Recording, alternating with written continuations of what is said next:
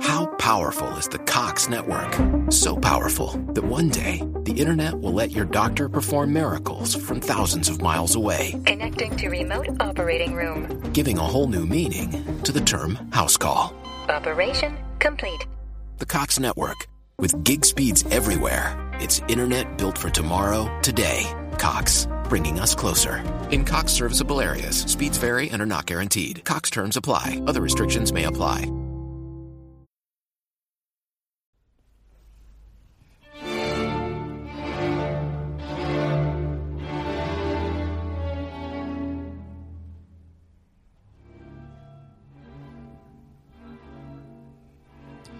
Natten är dagens mor.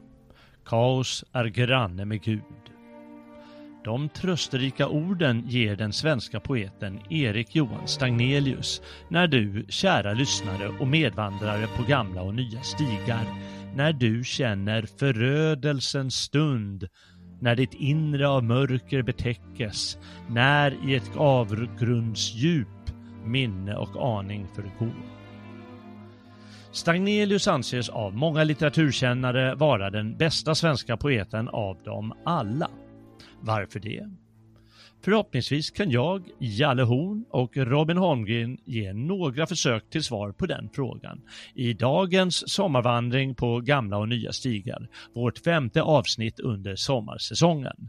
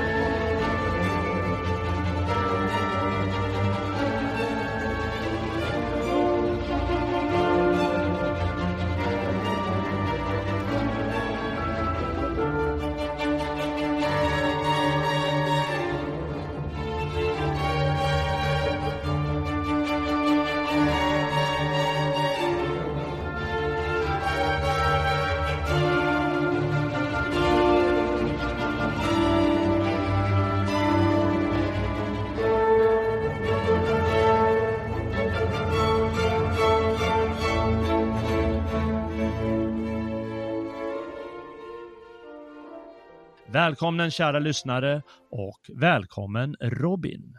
Tack så mycket. Det här har jag sett fram emot. Jaha, varför då? Därför att Stagnelius var... Hur ska man förklara? N när jag läste hans dikt Amanda första gången så mm. fastnade jag totalt för hans diktstil. Um, han vill säga så himla mycket i, i sina dikter. Uh, och så är han ganska rolig också. Ja, rolig också. Ja, ja men det, det är ju, jag tycker att det är humoristiskt att man nästan kan läsa hans milda sexuella frustration hela tiden. ja, ja. okej. Okay. Ja. Jag, jag kommer ihåg att i, jag läste, jag minns om det var Svenska B hette det då, eller om det var litterär gestaltning eller någonting sånt där, där vi läste en hel del poesi. Mm. Eh, så fick jag, På gymnasiet fick, alltså? Ja, men precis. Och då fick jag förklarat för mig att eh, han var så himla ful att till och med hororna inte ens ville ligga med honom. Ja, ja, just det. Det brukar man höra. Ja, och mm. det, det, tyckte jag var ganska roligt. Eh, tur, tur att han hade poesin i alla fall. Ja, just det. Han hade poesin, ja. Ibland kallas ju den där bilden lite överdriven. Ja. Eh, det är ju sätt att göra historierna bättre. Självklart. Ja. Men han ska väl inte varit någon snygging. Och eh, ibland kanske, jag vet inte, lite påfrestande typ. ja, men, eh, men, men det är ju lite av den här eh, legendariska bilden att, eh, ja men killen som han, han, är så ful att inte ens eh, eh glädjeflickorna vill ha honom, men skriv, sitt, och super ut och, och dör tidigt. Han blev bara 29 år gammal eller 30 år gammal eller vad det blev. Eh, mm. Och Eh, sitter på nätten och skriver makalös vacker poesi. Ja. ja. Men det är väl lite, ja. lite överdriven bild. Ja, Men det, det, är så fascinerande för att alltså, kvalitativt så är han ju alltså, superb. Eh, och ändå var han så ung när han dog alltså. Det är... Eh, nej, det är... Det är häftigt. Eh, ja, det är häftigt. Eh, det är ju tur att han lyckades eh, få ur sig ändå så pass mycket mm. under sin korta livstid. Han lyckades ge ut en, en samling, eller en tredelad samling. Det är väl tre häften brukar det kallas. Mm. Och det är ett antal dikter och så är det ett par, tre skådespel. Mm. Och så ett par längre dikter par långdikter, så här episka långdikter. Mm. Och sen fick han inte ur sig mer.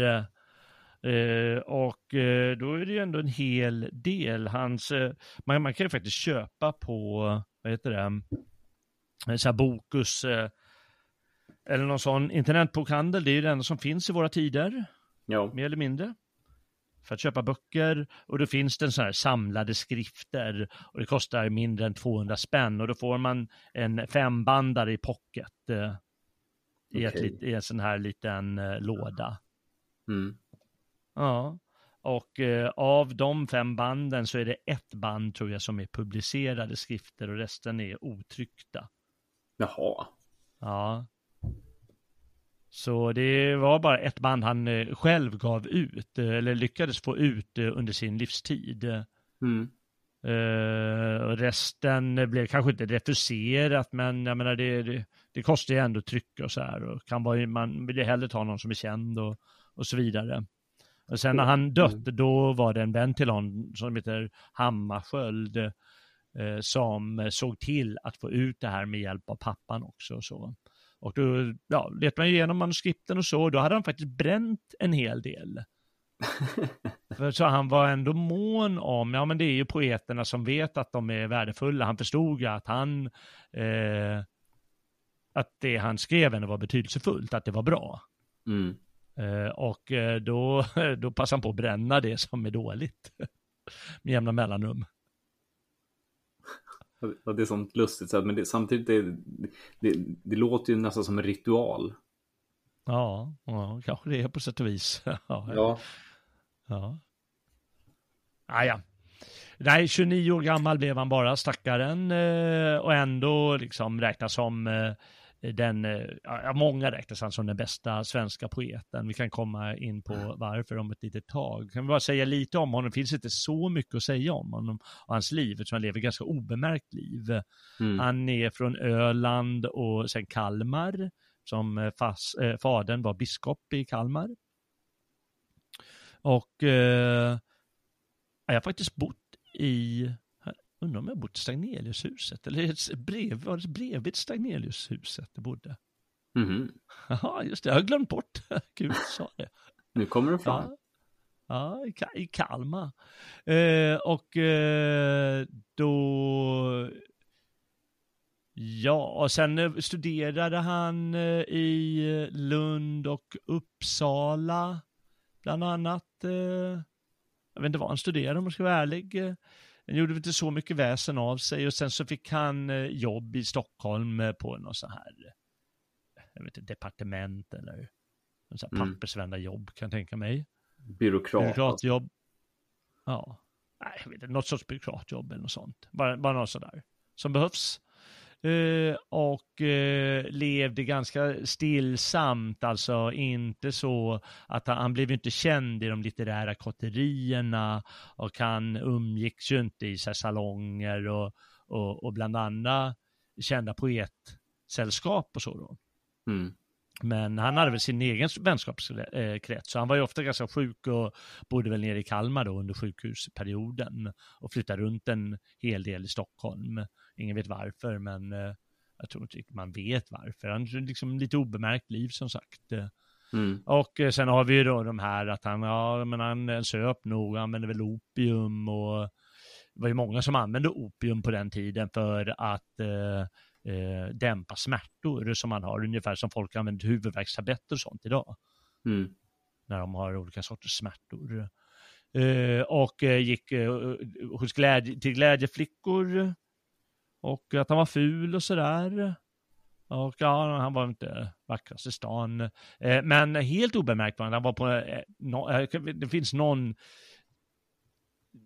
någon som skriver något brev, ja, och sen var den där konstiga Stagnelius hos oss, prästsonen, men han var burdus och han blev full eller något sånt där. Och, men han hade liksom vänner som höll på med poesi då och litteratur som, som ändå förstod värdet av vad han gjorde. Men ja, jag vet inte om det berodde på Erik Johan själv eller omgivningen att det inte gick, och det gick inte gick inte ihop. Mm. Så han jobbade ju på samma jobb som, eh, vad heter det, uh, Almqvist. Jaha. En annan av de största författarna, Carl Jonas Lova Almqvist, en av de största författarna då. Mm. Där i början av 1800-talet. Men ja, de växlade lite ord då och då, men det var inte så att de möttes på sina litterära salonger och Almqvist tog med den där, ja men nu ska du följa med Erik för guds skull, fan. Nu, ska vi, nu ska vi träffa lite andra svenskar och, och ha lite manliga seder och hylla vårt fosterland och sådär, utan nej, han gjorde sitt. Mm. Ja. ja. Som jag har förstått det i alla fall. Jag, jag har inte läst någon biografi om, om Sagnelius faktiskt. Mm. Finns det ens? Ja, det finns väl, men oftast är det att det inte blir så, den biografiska delen upptar kanske inte så mycket, utan det blir ju mer om poesin. Ja. Och det fanns ju, första delen av 1900-talet var ju en, kanske slutet av 1800-talet också, var ju en stor del där man kopplade ihop, eh, som du gjorde eh, för några minuter sedan, kopplade ihop biografin med poesin. Mm och vill visa till exempel hur den eh, eh sa, sexuella frustrationen då skulle ges uttryck i dikterna och att det är liksom huvudtolkningen. Och sen har man den andra delen av 1800-talet har man övergivit det där mm -hmm. ibland lite för mycket. Mm. Men det är inte så att personerna är ointressanta och deras personlighet är ointressanta eller oviktiga. Men, men man måste väl kunna säga att han är eh, ett, ett bra ord för det här tycker jag är trånad. Alltså han längtar verkligen efter någonting, en, en samhörighet. Det, det tycker jag kommer fram i om det är aftonen eller livets villkor också, liksom, att han, han, han vill någonstans. Alltså det han beskriver är ofta den här vackra, i viss mån oskyldiga längtan till någonting. Mm. Eh, samtidigt som man ändå väver in en del av den svenska melankolin. Mm. Um, lite som en fågel i bur kan man säga, som liksom ja, längtar utanför den här buren. Ja. Och bara, åh, tänk om jag kan liksom flyga i, i, i solens strålar, vad fantastiskt det skulle vara. Um, ja, det finns ju en förklaring till det där. Jaha. Och det är lite den tankevärld som man, eh, som man använder sig av eh, och som var inne under den här eh, perioden som brukar kallas romantiken. Mm. Det är ju en period som börjar med liksom när Schiller var lite yngre på 1770-talet med de här Sturm und Drang och så, eller känslans tid och, och, och, nattstämningar och så som liksom lite föregångare till den här högromantiken som kommer kring sekelskiftet och i Sverige då på 10 och 20-talet, 1810 och 1820-talet. Då Stagnerius och andra svenska poeter är verksamma. Och eh, just den här längtan är ju en viktig del av det och eh, en del av, ska inte kalla, jag vet inte, kalla mode, filosofi, men det var liksom tankegångar som gick då. Och eh, en del är sånt som kallas nyplatonismen. Och hos Platon, han pratar ju om idévärlden och då finns det liksom en, en tradition från Platon, liksom att man, människan hyser nästan en längtan till den här idévärlden eftersom den är mycket klarare, renare och bättre. Mm. Och hos eh, då filosofer några hundra år efter Platon, och det brukar man kalla om nyplatonismen, då är det nästan religiös den här känslan och längtan. Och sen eh, finns det en annan religiös gren som kallas gnosticismen. Mm. Gnostikerna och de har gjort en filosofi av, eh, liksom en sorts nyplatonsk filosofi som jag ska försöka redogöra här för om jag klarar. Och då är det att världen, den är egentligen ett eh, fängelse. Och, och det här är skälet då till, till, varför längtan är ett så viktigt tema. Och vi kommer se det i, i flera av dikterna vi kommer läsa, att det mm. är ju genomgående det här temat eh, i många av hans dikter. Eh, att världen, den är egentligen ett fängelse. Och eh, från början var vad man ska kalla universum eller tillvaron, eh, då var liksom världen förenad med Gud i ursprunget. Men så har världen frånfallit eh, från Gud, den här föreningen. Och själen, den, den härstammar egentligen från den här ursprungliga enheten med Gud, men har blivit lockad av härskaren i sinnevärlden och den kallas för demiurgen. Nu känner jag det mm. ordet. Eh, och är då fängslad numera i sinnevärlden, själen. Mm. Och eh, hela världen då, själ, själen är fångad i kroppen och hela världen så att säga är fångad i materien. Materien mm. kallas något som heter achamot har jag skrivit här. Och därför är all lust och så begär i den här sinnliga världen, den är, det är egentligen bedrägligt. För egentligen vill vi bara komma upp till eh, och ha enheten med Gud, men här i världen då känner vi en massa andra, andra sorts begär, efter pengar, efter eh, könsligt umgänge, efter framgång och massa olika grejer längtar och mm. begär vi efter. Men livet är, även trots all sinnlighet, och, han är ju extremt sensuell mm. eh, i sin eh, poesi, Stagnelius, så är livet ändå bara en öken. Mm. Hur vackert och så det än är. Och, och begäret, visar han i flera dikter, eh, det, är, eh, det är mycket ett bevis på just vår, vår saknad och vår brist på fullkomlighet, annars skulle vi inte begära. Mm. Då skulle vi vara förenade med Gud. Men i den här sinnevärlden så begär vi, och då visar han det i ett antal dikter, eh, hur, hur, havet det slår mot, eh, vad heter det, eh, mot land och omfamnar vattnet, eller landet som i en kärleksförklaring. Men när Ebbe kommer, då flyter det tillbaka och nästa dag kommer flod igen och då omfamnar det landet. Och så är det med alltihop, att det är som suckar då i en av hans mest kända dikter som heter Suckarnas mystär är. Mm. Allt är så, lärkans sång, våren som kommer och sen går och näktergalen, allt är bara suckar i, i växlande gestalter.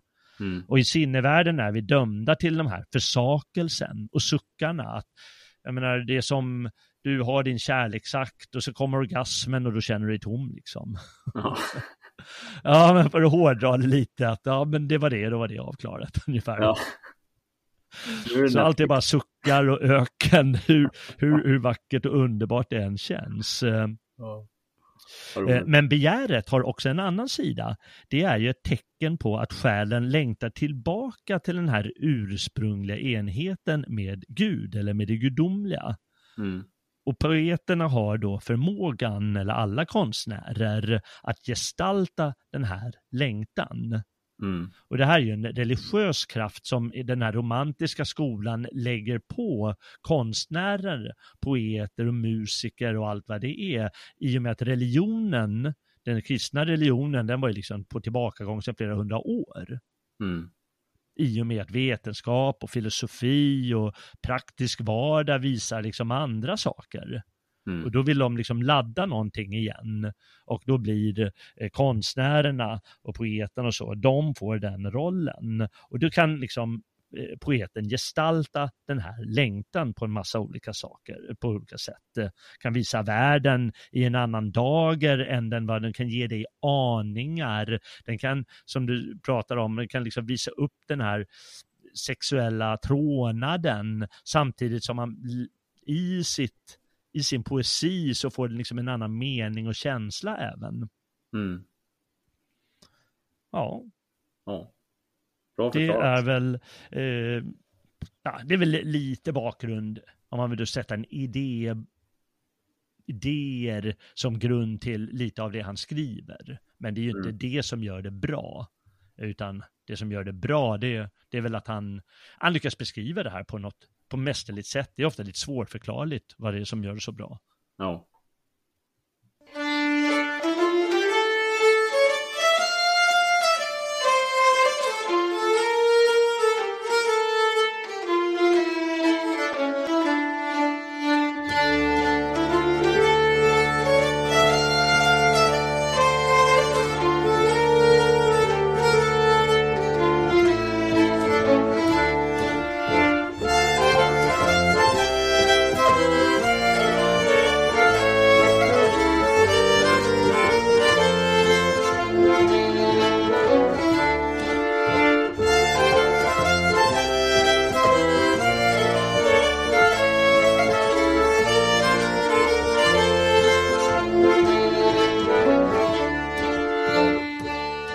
Hade du eh, någon, eh, har du någon dikt som just beskriver den här längtan? Ja, men, oh. ja. Oh, ja. Um... Så vi, vi, vi, målet här är ju ändå eh, att eh, dra några hela dikter eh, av mm. honom. Alltså Amanda. Mm. Helt klart. Amanda. Eh, ja, dikten Amanda. Ska, vi, vi, kan ju säga först att Amanda det är Stagnelius eh, sån här eh, diktardonna. Mm. Alla, inte alla, men många stora poeter har ju i, sen urminnes tider, de har skapat sig en kvinna som de skriver till. Mm. Vare sig de har levt eller inte. Vissa fall har de gjort det och vissa fall har de inte gjort det. Och eh, Stagnelius sån diktardonna. Eh, va, va, det finns ett fint ord för det, jag tappar bort det här. Men hon heter Amanda. Jajamän. Mm. Ska jag köra igång då? Ja. I blomman, i solen, Amanda jag ser. Kring jorden, kring polen, hon strålar, hon ler. I rosornas anda, i vårvindens pust, i druvornas, druvornas must, jag känner Amanda. När gullharpan klingar, när västan sig rör, med susande vingar, Amanda jag hör. Allt, ängel, bestrålar din himlagestalt, lik skaparna i allt, din gudom sig målar. Se, själarna ila, i dödsängens bud, till gyllene vila, i famnen av Gud. Se, floderna hasta med skummande fart, i havet det snart sig danande kasta. Men aldrig min trånad till målet ska nå, blek, suckande, hånad, jag enslig skall gå, skall evigt gudinna, lik stjärnan dig se, högt över mig le och aldrig dig hinna. Mm. Alltså det är, det är så Åh. Just det. Ja, ja, men det är det. Och det är förstås att ja, men han, han vill han få fram den här längtan som man, liksom, som man inte kan nå. Som, är mänsklig, som, som människan i sinnevärlden är dömd till. Men det är alltså framförallt sista strofen är liksom bara, den, den är så, den säger så mycket med så få ord. Eh, mm. blek, suck suckande, hånad, jag enslig skall gå. Och sen just att, att förklara att den här Amanda är som stjärnan eh, eh, som man ser och som liksom tycks le mot honom, men han vet att han aldrig kommer hinna i fatten. Alltså det är, mm. det är så makalöst beskrivet alltså. Mm. Den är ju väldigt känd, eh, den där Amanda-dikten, och han har ett antal, jag vet inte hur många sådana Amanda-dikter, om det är en 20-30 stycken som finns allt som allt. Mm. Som sagt, det finns 25 volymer eh, med, med Stagnelius skrifter. Allting är inte dikter, men eh, några band är ju dikter här i alla fall. Så det finns gott om sådana dikter och några handlar om Amanda. Jag har faktiskt också en sån mm. Amanda-dikt. Vilken då? Eh, den heter Mina önskningar. Mm. Den är lite längre än din, men jag tyckte den var ganska så konkret och, och måla upp ganska, ganska väl. Och det lyder så här. Om himlen mina böner hörde och biföll mina nöjens val, mitt obemärkta liv jag förde i en skog, eh, i en av skogar kransad dal. I skuggan av de gröna träden min låga hydda skulle stå och runt omkring den gyllene säden i vågor för sefyren gå. Sefyren i västanvinden. Amanda här min vandring glädde behagen sväva i dess spår. En enkel slöja henne klädde och rosor hennes mörka hår. När stjärnan brann i nattens svärta, när Eos purpurflammor göt, jag flickan till mitt druckna hjärta med outsäglig ömhet slöt. Vår ära vi ej dåligt sökte i sybaritiska kalas, ej silverfat på borden rökte, ej kapvin fyllde våra glas, Eh, ej gyllene, gyllne vagnar till oss foro att bringa gäspningar och tvång. Blott valda trogna vänner vore, voro vår sällhets vittnen mången gång. Och skulle för vår husdörr stanna en arm föraktad vandrare med silverlockar, fårad panna, av år och mödor lutande, vi honom in i kället ledde, vi givmilt delade vårt bröd, och på den veka bädd vi rädde, han drömde bort sin långa nöd. När drivan smält på våra klippor och svalan hälsat Manhems strand, i gröna dalen mellan sippor vi troget gingo hand i hand, i skumma lundar än vi lågo, ett lövtak som man återhöll, med glada blickar, blickar än vi sågo, hur skördens gull för lian föll. Låg snö kring slätterna och fjällen och nordan över jorden ven, vi lugnt förnötte vinterkvällen i hyddans famn vid brasans sken. Vi då i mild förtjusning sänkte omsvur och aldrig bruten tro på flydda dagar med glädje tänkte och på de kommande med ro. Så glatt vi skulle banan vandra till stödens natt i töcken göt. Vi hade levat med varandra, vi dogo i varannans sköt. En brudsäng trygg för alla skiften, vårt mängda stoft i jorden fann och tvenne lindar över griften symboliskt famnade varann. Och så slutstrofen. Där vi, här är ordet varför. Det betyder alltså varför som i engelskans why. Vi stiger tåren i mitt öga. Vi darrar så mitt klämda bröst. Vi svävar sucken mot det höga och återvänder utan tröst. Förgäves mina böner låga, när fyllde ödat, ödet hjärtats krav. Alena ska jag öknen tåga, alena sova i min grav. Ja, det är bra alltså. Ja, det var en fin dröm han hade om sin Amanda. Ja.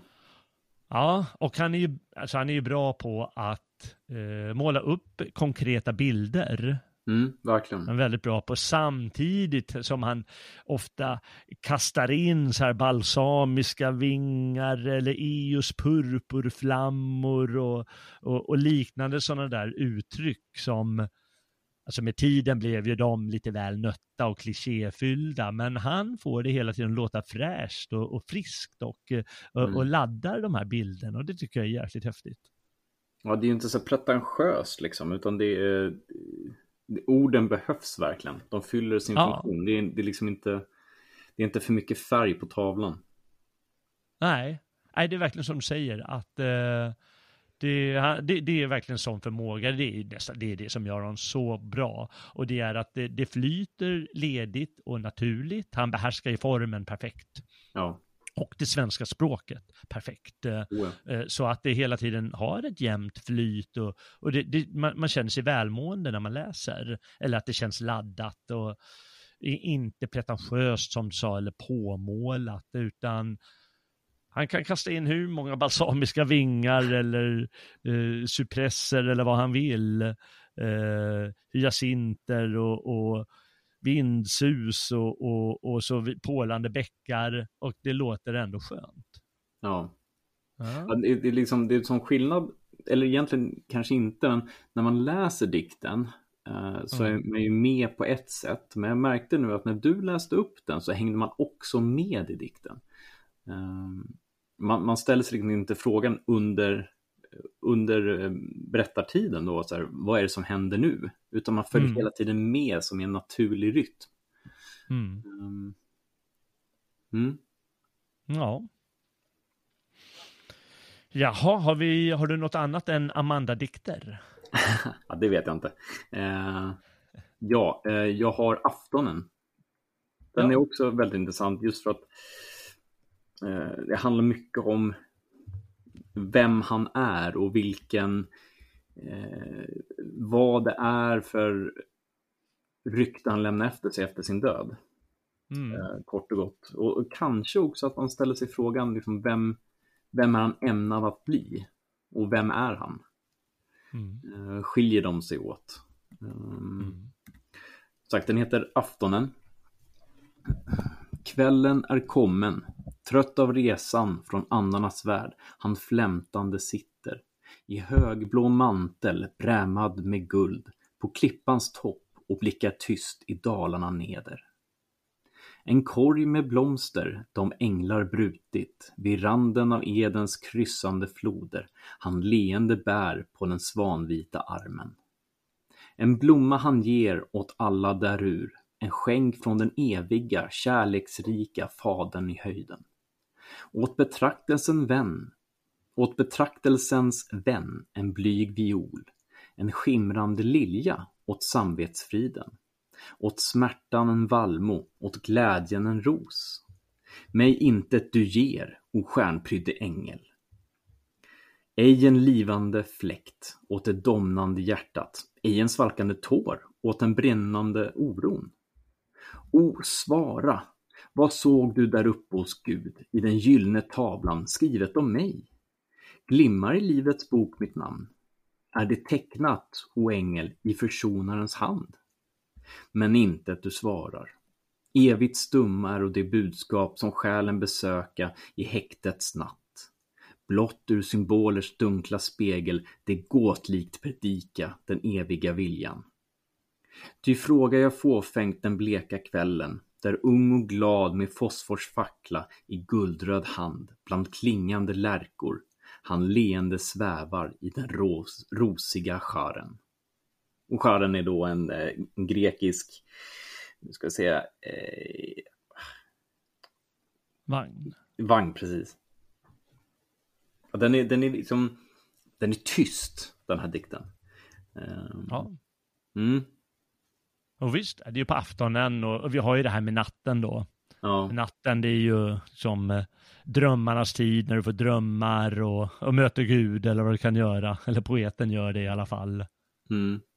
Just den lite frustrationen, mig intet du ger, o stjärnprydde ängel. Nej, precis. Ej en levande fläkt åt ett domnande hjärtat. Ja. Nej. Ja, verkligen. Ja, visst, eh, vi har ju det där temat då, återigen, att önskan att känna det där som, som, som vi, man, det är ofta man vill känna något mer. Det är ungefär som när du drömmer, ja, men det var så påtagligt, vad var det om? Vad, vad, vad var det där? Ja. Vad, vad ville den ge mig? Och det känns laddat, men du vet inte riktigt vad det är. Nej. Ja, det är bra gjort av honom.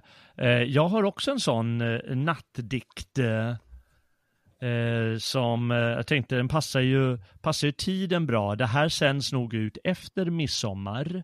Eh, kanske några veckor efter rent av. Men eh, då har man ju den i god, i gott minne. Och då tänkte jag kunna ta en dikt som heter Midsommarsnatten. Mm. Det passar ju väldigt bra. Och den är inte riktigt som din eh, eh, aftondikt där som var mer lite av en tankedikt utan det här kanske är mer eh, någon idyll eller kärleksdikt eller något sånt. Men det får vara vad det är. Den går så här. Retande flicka och alltså du skänker icke en kyss åt din älskare mer. Sorglös i handen din panna du sänker blundar vid älskarens sida och ler räds och förtjusiska, förtjuserska, timmarna ila, tagom i flykten de skyndande fatt. Lång blir i griften vår ensliga vila, varför ej vaka en midsommarsnatt? Öppna ditt blåa, för... hon har väl somnat då, tjejen som han, som han är hos.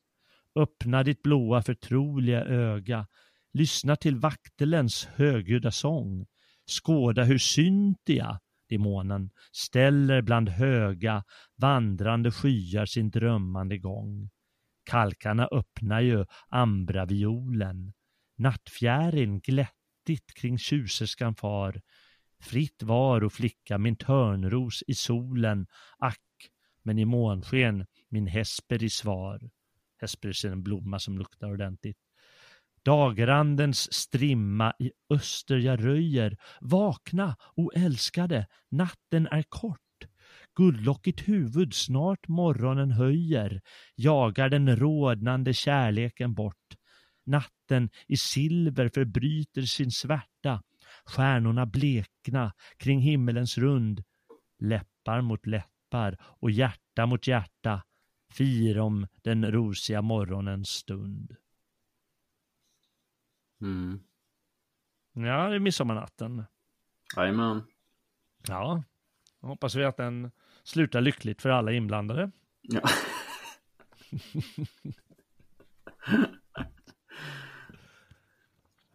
Ja. Ja. Du hade livets villkor också. Eh, var det så? ja, någonting lite mörkare. Det är lite mörkare ja. Men jag kanske ska ta eh, precis före det eh, tanke och känsla, en dikt som påminner lite om det du berättade nyss med aftonen. Mm. För det är ju, det är ju som dagen kanske är tanken och natten är känslan mer. Mm. Och sen kan du ta den här lite allvarliga livets villkor. Eh, Jag kör den här före. Eh, tanke och känsla. Tanken är en örn.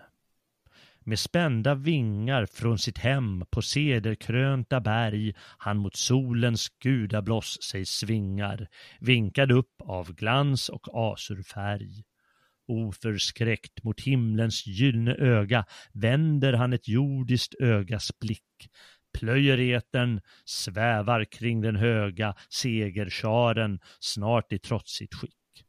Känslans vita oskuldsfulla duva lämnar stilla sin cypresselund varje gång då silvermånens ljuva anlete bekymrar nattens grund.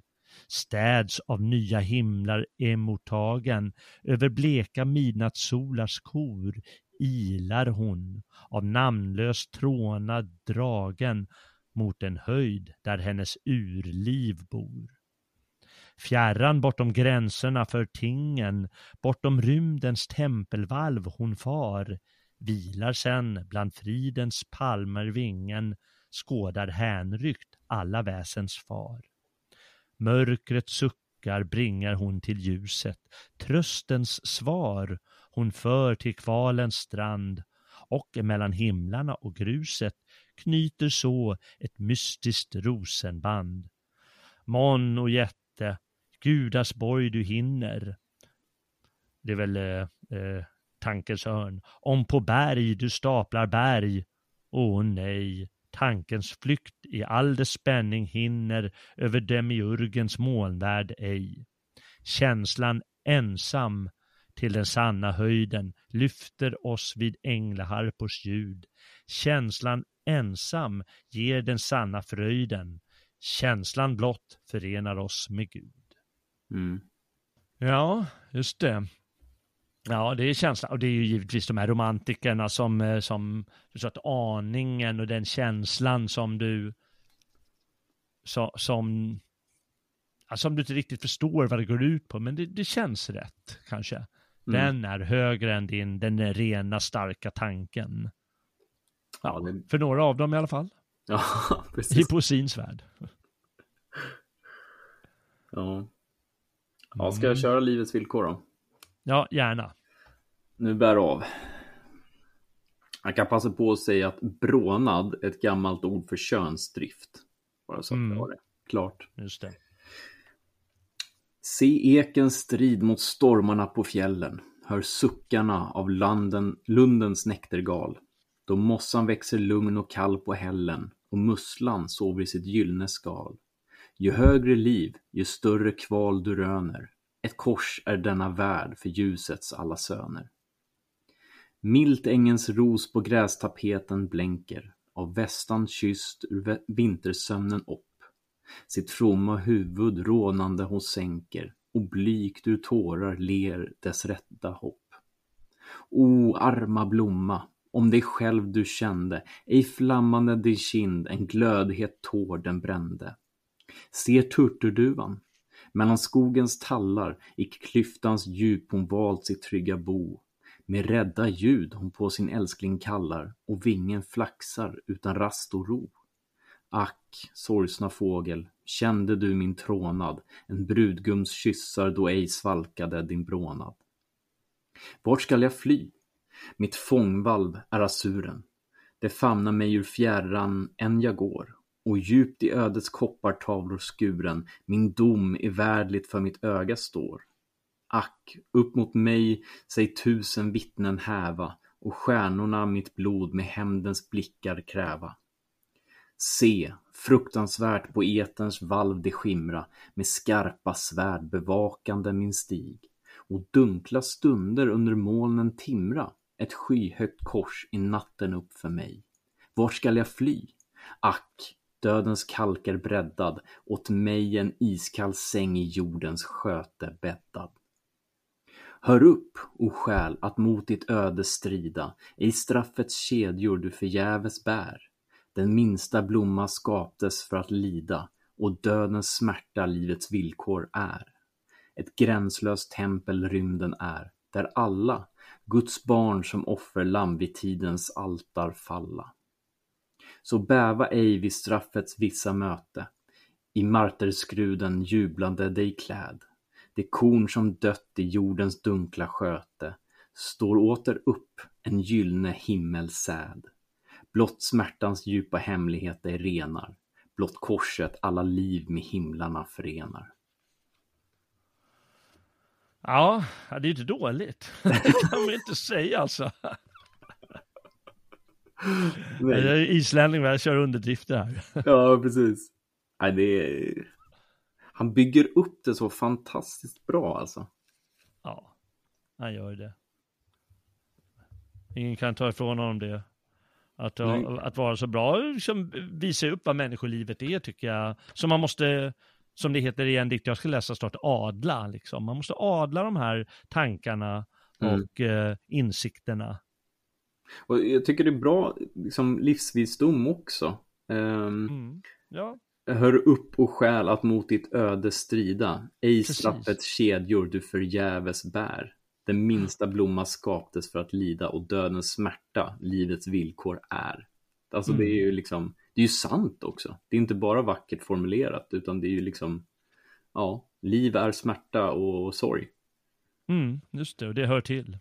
Precis. Mm. Och det gäller att förstå också den, den smärtan och alltihop, att förstå den på rätt sätt. Ja. Då, då kan du närma dig den här idén om, om ja, egentligen kan du ju lära dig liksom bara att mästra livet eller i den här lite religiösa förklaringen närma dig eh, känslan med, med tillvaron, världsalltet eller Gud eller vad du vill kalla det. Mm. Mm. Jag tycker han har en väldigt mm. vacker inställning till det gudomliga rent generellt faktiskt. Um... Ja, det får man säga. Det blir ju vackert i dikterna om ett annat. Ja, ja men verkligen. Spelmannen drog fiolelådan och lyfte stråken högt mot söndagssolens kula. Då blev det fart i Horga-folket. De glömde Gud och hela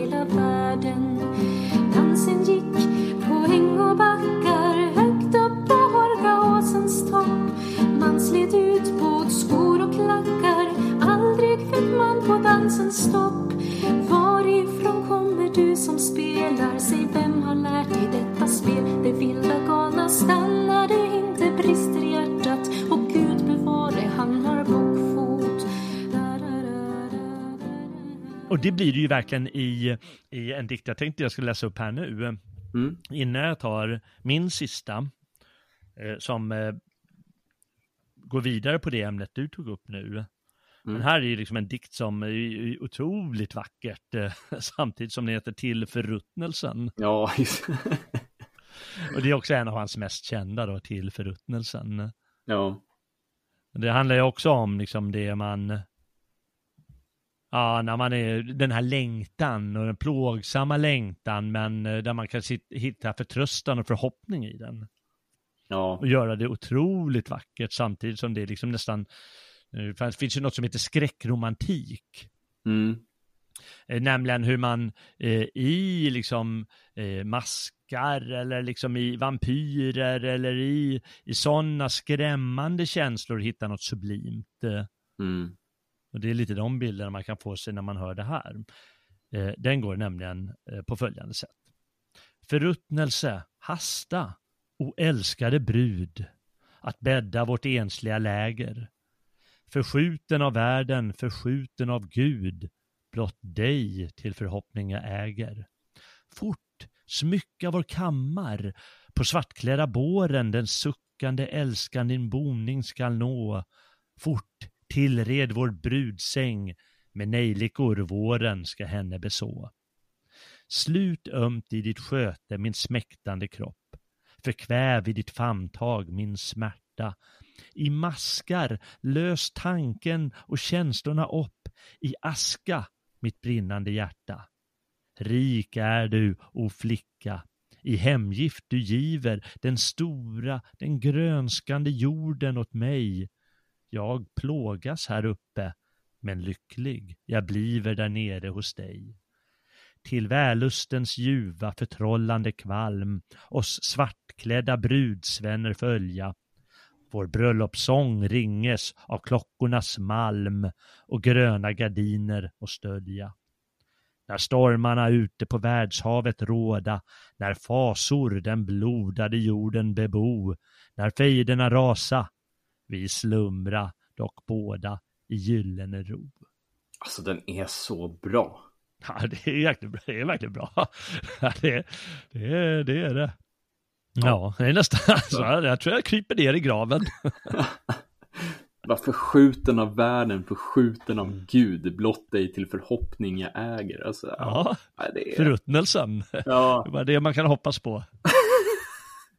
Och det är roligt att du säger den meningen, för i någon, någon, någon av de första utgåvorna, då, eh, ja, det, det blev lite för mycket för pappan som ändå var biskop, och då Mm. ändrade han ten, den till förskjuten av världen, men inte av Gud.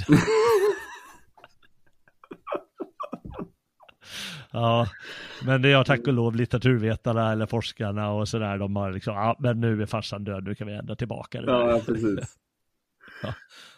Ja. Men, ja, nej, men det är ganska roligt med, med sådana där små grejer. Det finns i, i en annan dikt så finns det ett kommatecken som litteraturforskaren eh, Fredrik Böök la till i en dikt så att den fick lite av en annan betydelse för han tyckte att ja, men så måste det vara.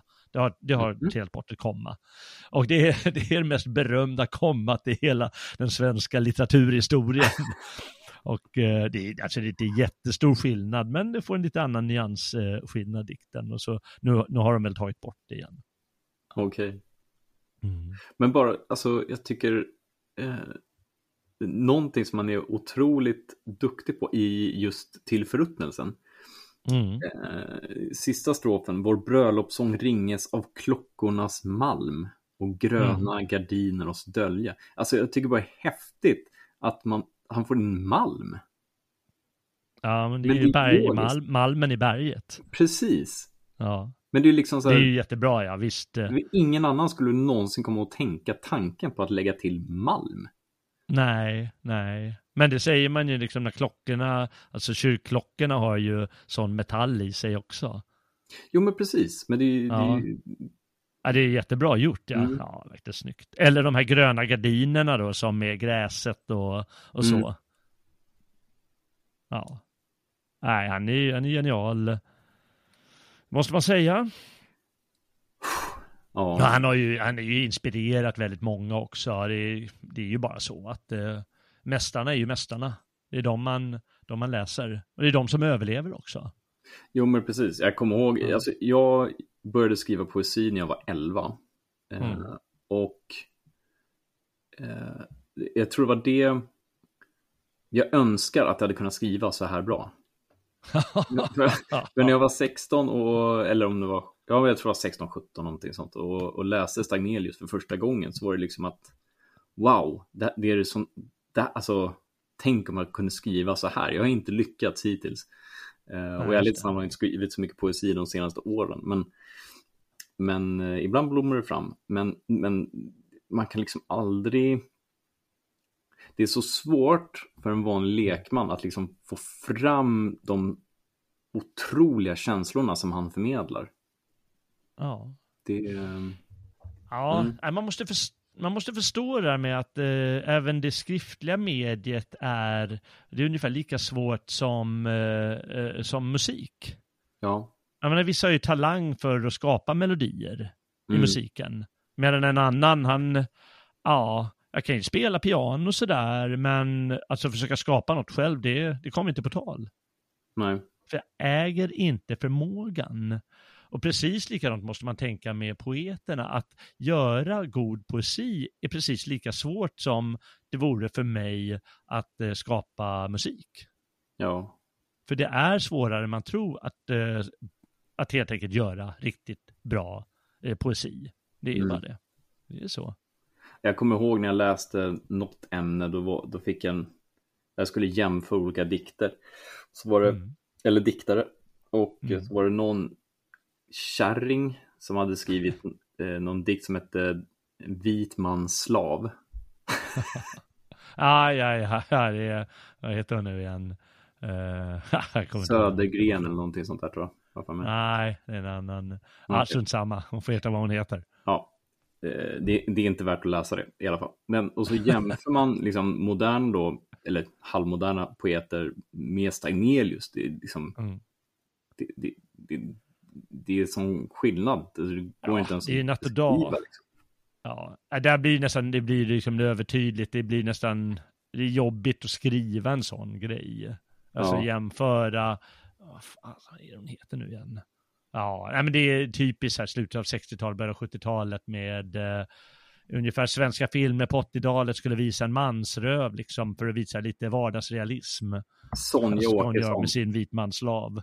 Sonja Åkesson. Men Sonja Åkesson heter hon, ja, precis ja. Ja, ja, ja, ja det, man, man, man, får, man får helt enkelt förlåta dem för, sina, för deras dikter. De, eh, man måste tänka att eh, det, det senaste århundradet har haft en känsla av att den där gamla sortens dikter som levde hela 1800-talet, det blev för mycket av det goda. Till Mm. slut så blir det klichéer. Eh, även Stagnelius, särskilt om man inte äger den kraften och förmågan att skapa den sortens dikt med sådana Nej. ordval.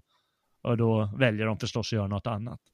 Men, men det är ju, eh, vi skulle kunna gå in lite på varför moderna poeter, eller snarare så här, poesin idag Mm. är ju mer av en eh, så lite udda sak. Alltså det är liksom, jag tror inte det säljs så mycket poesi eh, av de nya i alla fall. Även Nej. fast de är som superkändisar och är med i tv och alltihopa så säljer Mm. de inte så mycket och det är inte särskilt bra heller. Ehm, så kan det vara så att eh, poesin är kanske inte på utdöende, men har i alla fall genomgått någon sån hemsk marxistisk förändring. Så att det, det, är, så, det är så mycket skit som kommer ut som inte, som inte följ, som inte har- som manifesterar någonting. Så Stagnelius manifesterar ju någonting med sina dikter. Eh, Man får en Ja. känsla av det, man ryser, men det är ingen som, som ryser av att höra så här vit mans slav direkt. Ja, men det är säkert de som har gjort det också. Jo, men vi kan ju inte räkna med pretentiösa gamla kärringarna som inte vet bättre. Men Hon var ju ung när hon skrev det, Åkesson. Ja, inte i min värld. Bara en sån här Ja. liksom. Ja, nej men det är ju en, det är en fråga det där med, eh, eh, med, med dikthantverket som en, som, de, de, har inte riktigt tiden på sin sida, de här scenmodernisterna.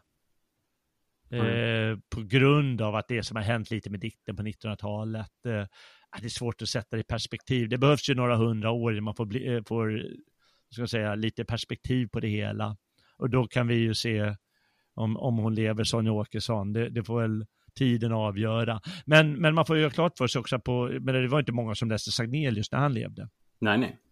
Och inte för att han inte skulle vara förstådd, utan det funkar väl så. Det är en ganska smal sak, poesi. Mm. Det var ju mycket större för eh, under antiken när man eh, hade, när hela stammen eller eh, liksom byn samlades för hög, framträdande. Liksom man har, Mm. ja men nu får de här 20 unga flickorna bilda en kör och så reciterar de den här stora dikten. Ja, eller skalldrarna i Norden. Ja, ja precis. Och då, då, då får ju dikten en helt annan förankring. Det är ungefär som mässan i kyrkan Mm. under sina bästa dagar. Och eh, riktigt så, så funkar det ju inte nu för tiden. Eller har inte gjort det i ett par, par tre hundra år. Och då blir det ju mycket smalare poesin. Jag menar Goethe själv som i eftervärlden hyllas eh, så mycket, han stod sig slätt liksom med de som sålde bestsellers redan på hans tid. Mm. Det var ju en så här halvsläkting till honom som skrev rövarhistorier. Ja, det sålde som smör. det sålde som bara den. Och han stod där, ja men varför säger varför ingen som köper mina böcker? Precis. Varför köper alla Robert Scott för? ja. ja, vi får nog trösta oss med att det, att det är så det funkar. Mm. Men det är klart att i historiens, eh, liksom, efter tusen år så kommer Stagnelius finnas kvar eh, och några till och resten de, de kommer säga, ja, ja men det är det som specialisterna de kan studera.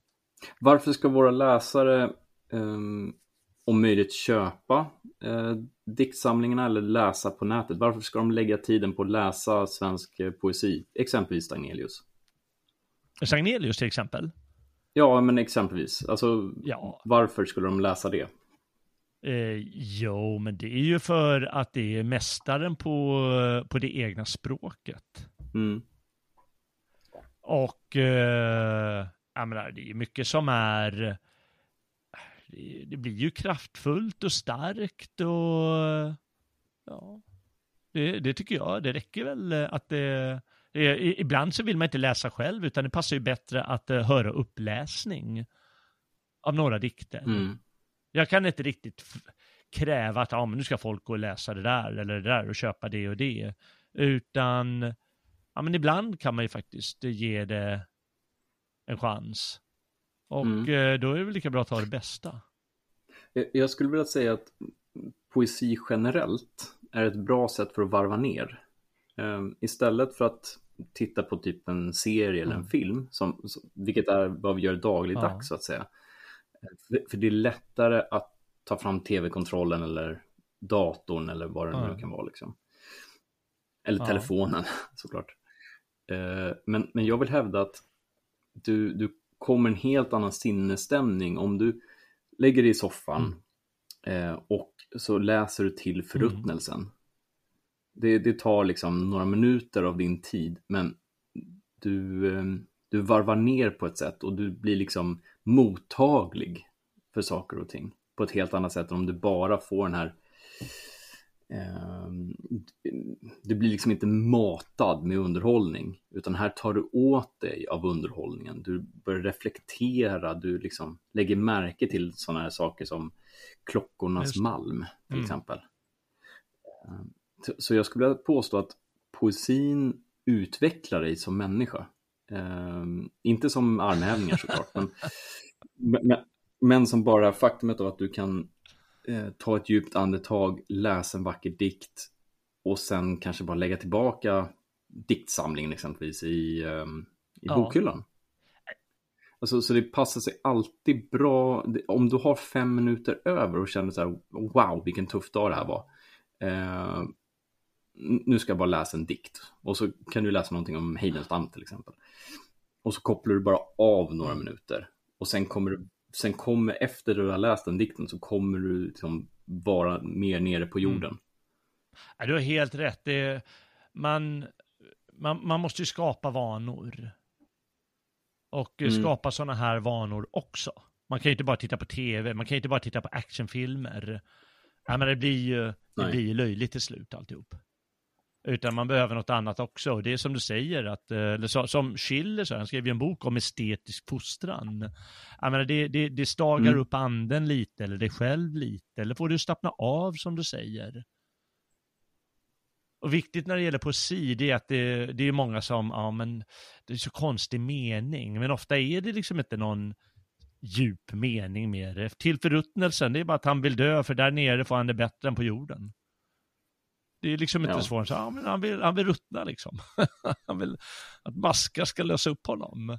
Man behöver inte hitta någon djup mening i det hela, utan ofta är det ju där skönheten ligger, bara i det som, det som faktiskt står där.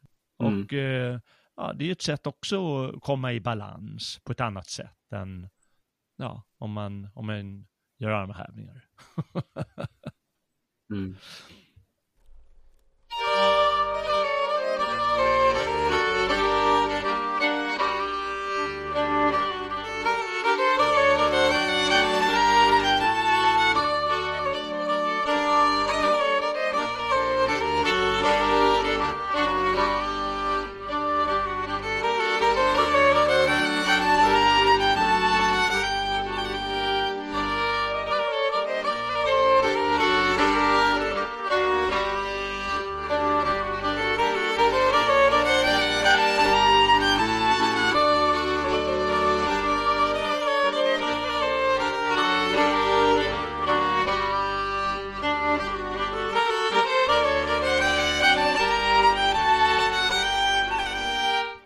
Ja, nej men det är bra att du säger det. Och eh, sånt här, sådana här tillfällen tycker jag man ska ta, ta tillvara på om det är någon som lyssnar på det här.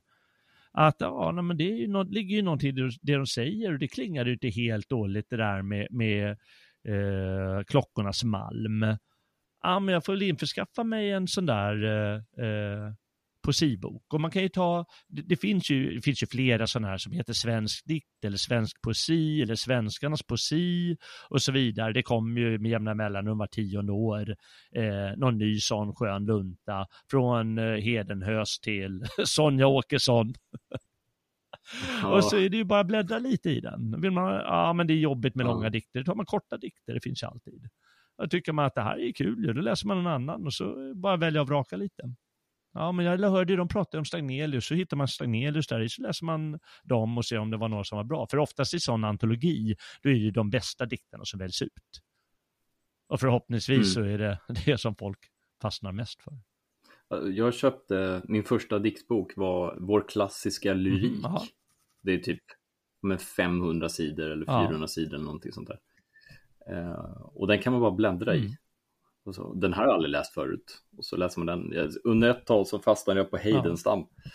Då köpte jag faktiskt en mm. pocket eh, med bara mm. Heidenstam. Eh, men och det som är så kul när man läser svenska poeter framförallt, dels så lär du känna ditt folk mm. och de stora konstnärerna i mm. vårt folk.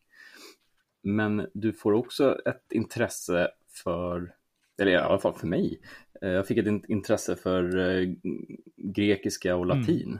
Alltså läsa Horatius mm. till exempel. Um, så det, och sen hamnar man ju alltid i Odysseen. um, Okej. Okay. Men, men det, det är liksom, det, det, finns otroligt mycket häftig poesi ja. där ute att läsa. Och du behöver ju inte hålla med. Menar, Horatius kan vara sjukt äcklig i vissa mm. tillfällen. Um, men, men då använder man ju sina liksom, moderna glasögon såklart. Uh, men Eh, det, finns så mycket att mm. hämta. Det finns så mycket underhållning att ta ja, del av. Nej, du har helt rätt. Du har helt rätt. Det är mycket mer än man tror. Jag ska ta mig samman och oh ja. så ska jag försöka plantera eh, ett antal böcker i Svenskarnas hus av eh, lämplig, eh, lämplig eh, litteratur att läsa. Alltså jag ser fram emot att du och jag skapar ett event när vi kommer till Svenskarnas hus och så har vi diktläsning ja, från scen. Ja, det kan vi ha. Ja. Det vore något. Ja, vi får satsa på det nu när, eh, nu när alla idiotiska restriktioner sakta, sakta men säkert släpper. Man kan ha lite ja, mer precis. events. Ja, och för den som är sugen på att köpa någonting, svensk poesi redan från start kan ni ju köpa in eh, boken om Karlberg. Jag tror den finns på Logik. Ja, just det. Ja, den som vill ha lite, lite fränare nationalism. Ja. Jajamän. Ja, det kan man alltid göra. Det är bra att du säger. Ja, när man, när man, när man skriver ner sånt i nationalisten så blir man ju fan censurerad. Så. just det, ja. jo. Jajamän. Ja, eh, jag tänkte jag skulle då ta eh, och läsa Suckarnas eh, mystär. Ja, gör det. Ja, det, det, brukar kallas lite av hans bästa dikt. Det är den som står precis efter Livets villkor i den samling han lyckades ge ut eh, under sin livstid mm. i alla fall och vad man säger som sammanfattar lite av hans världsbild och, och tankegångar och så. Och det är väldigt vackert, eh, måste man verkligen säga. Och mysterier då hemlighet eller mysterium förstås. Så här pratar han just om demiurgen, eh, den här eh, härskaren i sinnevärlden och, och Achamot som är materien enligt de här eh, gnostikerna och som är demiurgens moder. Mm. Mm. Ska jag, säger, jag försöker se om det kommer något eh, ord som folk inte känner igen. Eller något där. Och eh, den går så här. Suckar, suckar, äro elementet i vars sköte demiurgen andas. Se dig om. Vad glädde dina sinnen? Kom ditt hjärta det fortare att klappa och med fröjdens milda rosenskimmer flyktigt stänkte dina bleka kinder. Säg, vad var det? Blott en suck av vemod som ur andelivets källa fluten vilsefor i tidens labyrinter. Tvenne lagar styra människolivet. tvenne krafter välva allt som födes under månens vanskeliga skiva. Hör, o människa, makten att begära är den första, tvånget att försaka är den andra. Skilda åt i himlen, en och samma äro dessa lagar i de land där Achamot befaller, jorden alltså, och som evig dubbelhet och enhet fram i suckarnas mystär de träda. Mellan livets sorgesuck och dödens människohjärtat vacklar här på jorden och vart enda andedrag förkunnar dess bestämmelse i sinnevärlden. Ser du havet? Ilande det kommer, vill med blåa längtansfulla armar under fästets bröllopsfacklor sluta till sitt bröst den liljekrönta jorden. Se, det kommer, hur dess hjärta svallar högt av längtan, hur dess armar sträva, men förgäves. Ingen önskan fylles under månen, själva månens fullhet är minutlig. Med bedragen väntan dignar havet och de stolta böljor flyr tillbaka suckande från stranden. Hör du vinden? Susande han svävar mellan lundens höga poppelkronor. Hör du? Växande han suckar tala, liksom trånsjukt han en kropp begärde att med sommarns flora sig förmäla. Dock ren tyna rösterna. På lövens eolsharpa klingar svanesången ständigt mattare och dör omsider. Det vill säga, det blir höst. Vad är våren? Suckar blott från jordens dunkla barm som himlens konung fråga om är Edens maj en gång begymmer, begynner. Vad är lärkan, morgonstrålens älskling, Näktergalen, skuggornas förtrogna? Suckar blott i växlande gestalter. Människa, vill du livets vishet lära, o, så hör mig, Tvenne lagar styra detta liv. Förmågan att begära är den första, tvånget att försaka är den andra. Adlar du till frihet detta tvång och helgad och försonad över stoftets kretsande planeter ska du ingå genom ärans portar. Mm. Mm, det var hans tankedikt här. Den är, den är mycket svårare än livets villkor. Ja, den är lite svårare. Så det, det är också ett skäl att köpa en sån här bok. Det är att, ja, men jag hörde och det lät ju spännande, men ah, fan, måste ju, man måste ju läsa för att kunna läsa om ibland. Mm. Mm. Men det är mäktigt det här, liksom, att, för det står liksom om tvenne liv, tvenne, två lagar finns i världen. Och lär du dig dem och förstår dem korrekt, liksom, då kan du adla till frihet, Mm. livet, detta tvång som vi lever i. Suckarnas tvång. Ja.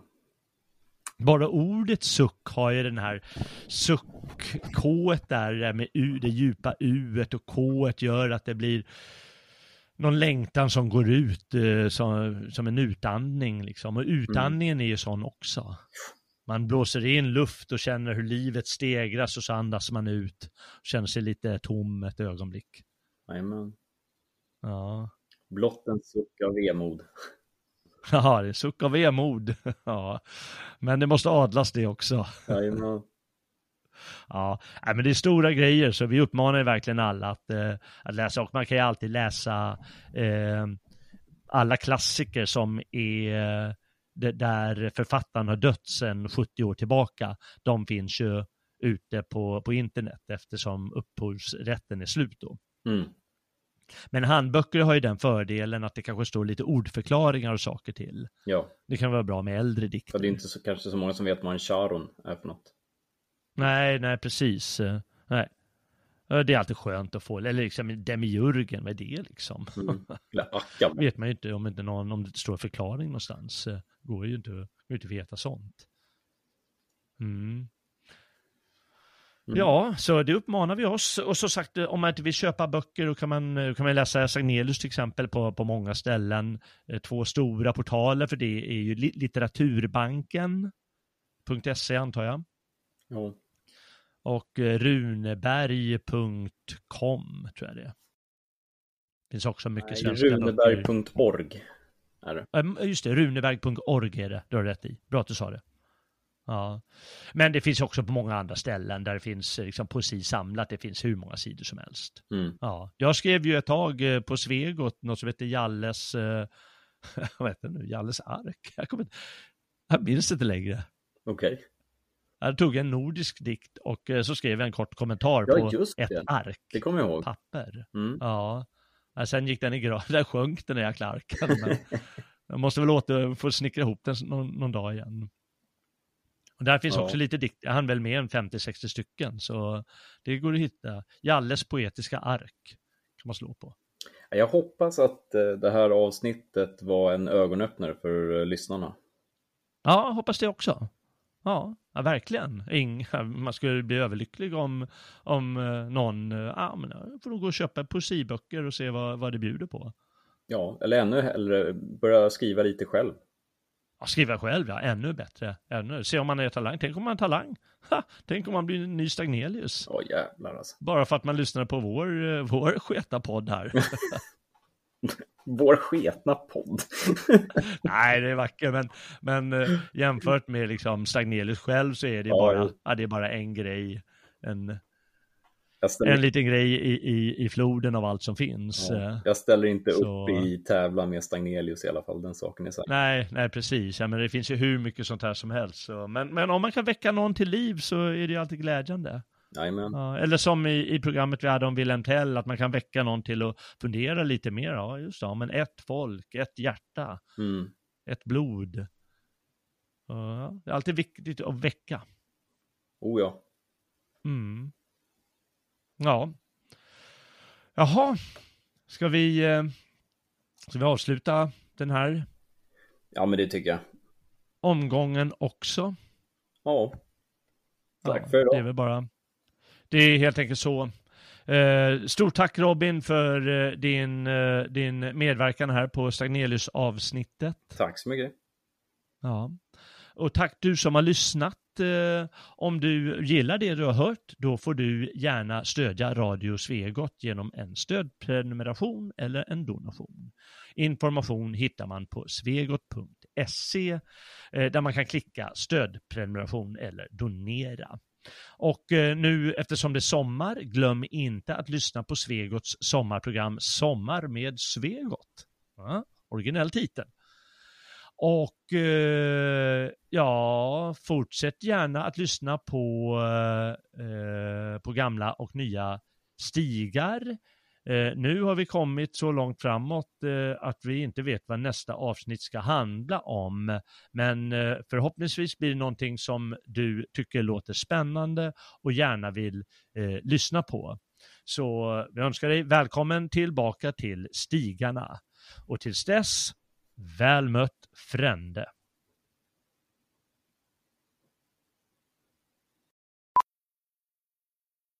How powerful is the Cox network?